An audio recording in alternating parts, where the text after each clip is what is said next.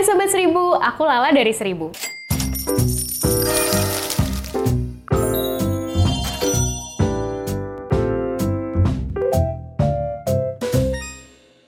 Di episode 1000 tanya kali ini, ada yang nanya nih, apa sih tanda-tanda kalau kamu tuh udah melek keuangan?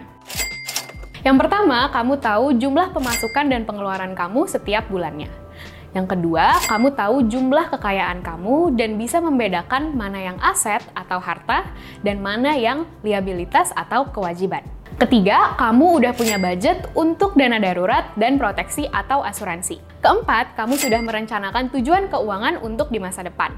Yang kelima, kamu sudah menyisihkan uang setiap bulannya untuk ditabung atau diinvestasikan demi mencapai tujuan keuangan kamu. Dan yang terakhir, kamu tahu produk investasi apa yang lebih cocok untuk kamu dan lebih efisien untuk mencapai tujuan keuangan kamu. Selain itu, kamu juga mengerti kondisi profil risiko kamu saat berinvestasi. Nah, jadi itu dia 6 tanda-tanda kalau kamu sudah melek keuangan. Kamu sudah termasuk salah satunya belum? Jangan lupa download aplikasi Seribu dan kalau kamu punya pertanyaan lain, bisa langsung ke fitur chat aplikasi Seribu atau komen di bawah ya. Dadah! Mana?